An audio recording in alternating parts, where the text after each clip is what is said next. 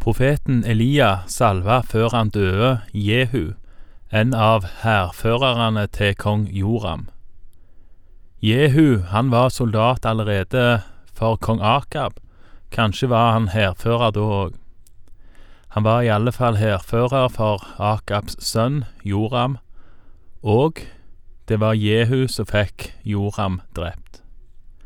Kapittel ni slutter med at Jehu i tillegg til det fikk Jorams mor, altså dronning Jesabel, drept. Nå går kong Jehu etter resten av kong Akabs og dronning Jesabels slekt. Som vi skal lese, så går han enda lengre.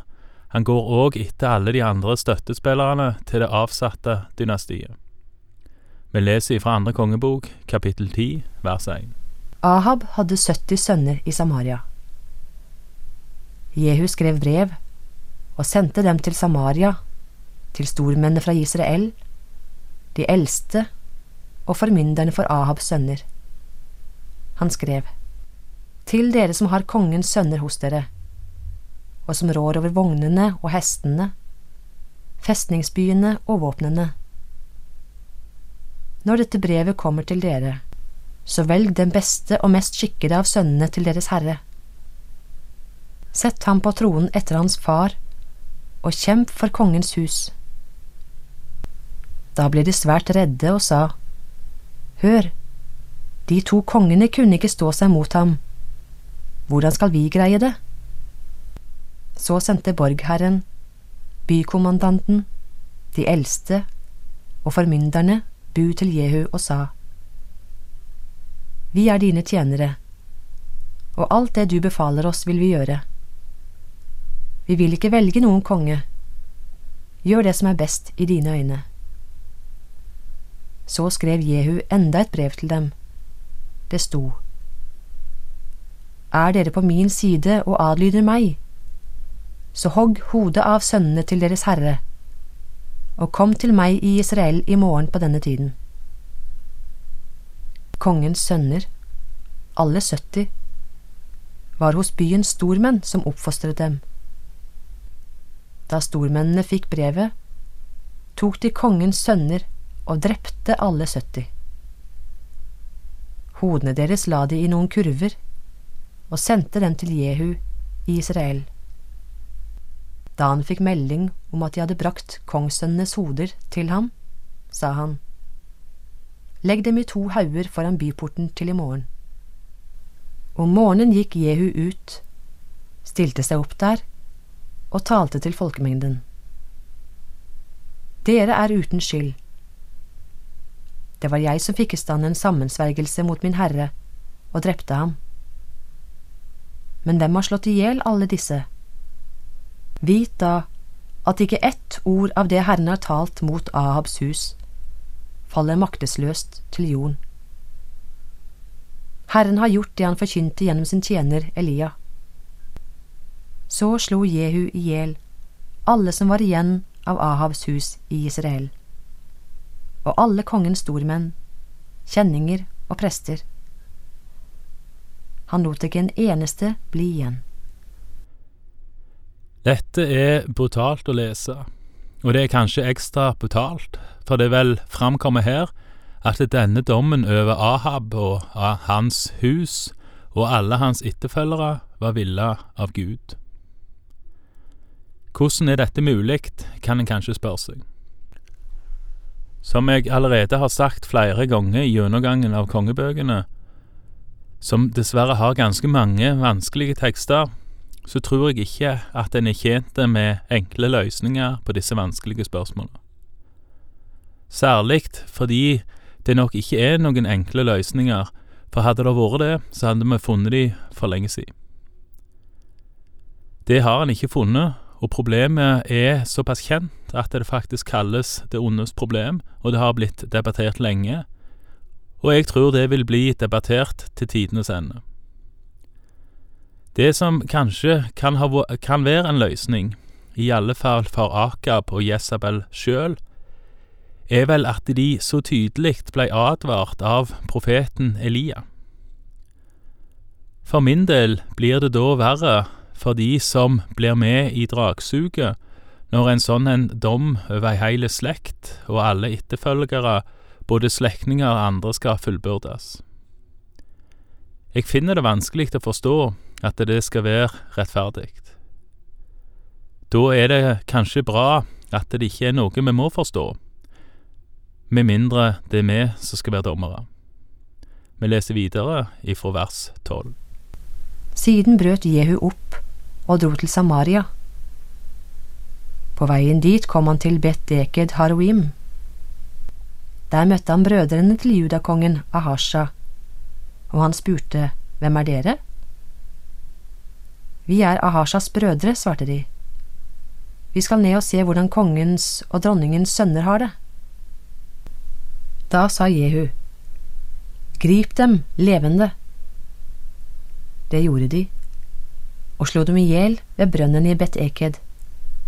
42 mann i alt. Han lot ikke en eneste bli igjen. Da han dro videre derfra, traff han Jonadab, sønn av Rekab, som kom imot ham. Jehu hilste på ham og sa, Er du med meg av hele ditt hjerte, slik jeg er med deg?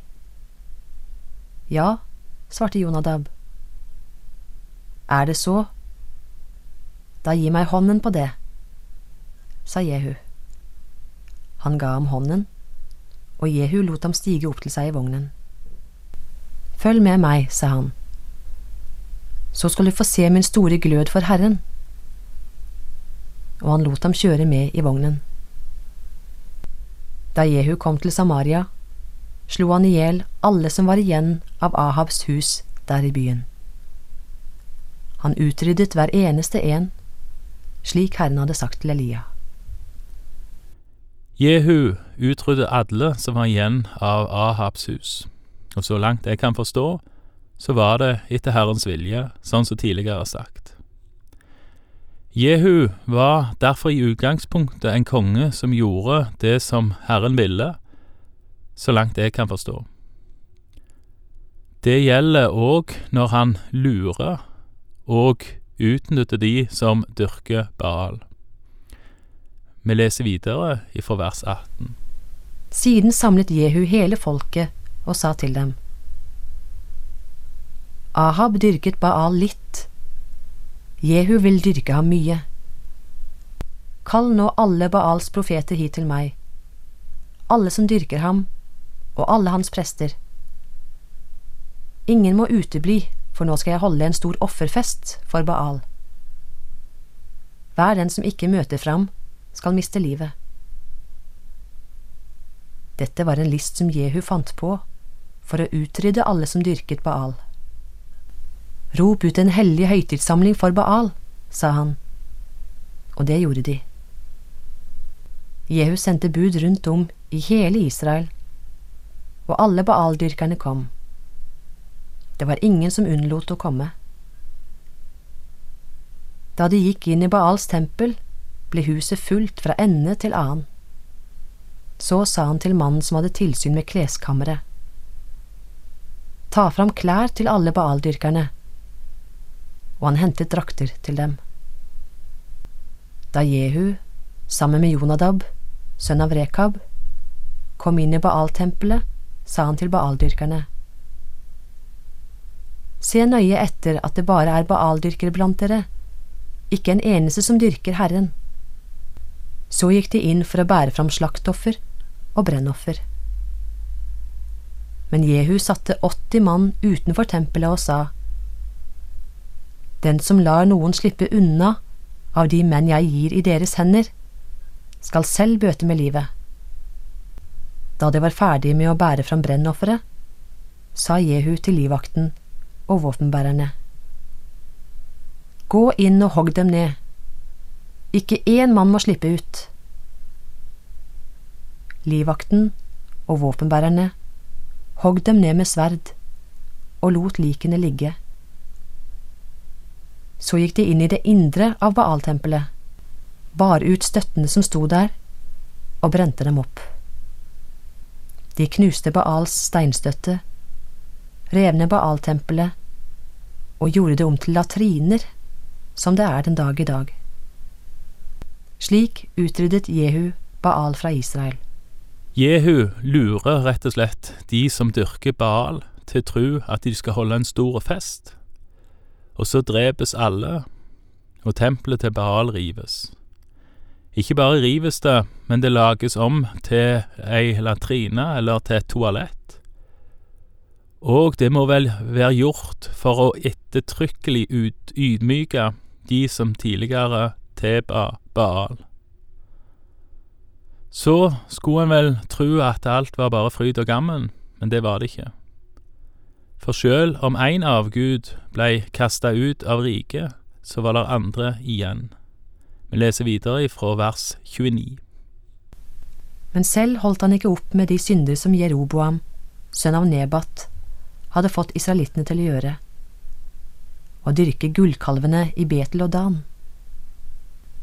Herren sa til Jehu, Du har handlet vel, gjort det som er rett i mine øyne, og alt det jeg ønsket mot Ahabs hus. Derfor skal dine sønner sitte på Israels trone i fire slektsledd. Men Jehu fulgte ikke helhjertet den loven som Herren Israels Gud hadde gitt. Han vendte seg ikke bort fra de synder som Jeroboam hadde fått israelittene til å gjøre. Sjøl om Jehu klarte å utrydde dyrkningen av Baal, så var han altså ikke helhjerta i det å følge Herren, Israels Gud. Derfor ble ikke gullkalvene i Betel og Dan fjerna. De gullkalvene som kong Jeroboam, den første kongen i Nordriket, satte inn i Betel og Dan, de blei stående òg etter at Jehu renska ut Baal. Det står vel ikke så veldig mye mer om disse gullkalvene, så det kan vel tenkes at de blei tilbudt i Nordriket heilt til Nordriket falt. At Jehu, som vel må regnes som den beste kongen i Nordriket, faktisk ikke fikk de fjerna, støtter opp under den antagelsen om at de blei stående til riket falt. Konsekvensen i første omgang av at israelsfolket trossa Gud etter at riket blei samla under David, var at riket blei delt. Nå skal vi lese om de videre konsekvensene, at riket faktisk begynner å smuldre opp. Vi leser videre fra vers 32. På denne tiden begynte Herren å rive løs stykker av Israel. Hasael slo israelittene langs hele grensen. På østsiden av Jordan tok han hele Gilead, landet hvor Gads, Rubens og Manasses stamme bodde, helt fra Aroer ved Arnonelven og nordover, både Gilead og Basan. Det som ellers er å fortelle om Jehu og alt han utrettet, alle hans storverk, står skrevet i israelskongenes krønike. Jehu gikk til hvile hos sine fedre og ble gravlagt i Samaria. Hans sønn Joahas ble konge etter ham. I 28 år regjerte Jehu som konge over Israel i Samaria. Og med historien om at riket ikke bare blei delt i to, men at deler av riket blei tatt av andre konger og kongeriket, så slutter kapittel ti i andre kongebok. Takk for i dag, og Herren være med deg.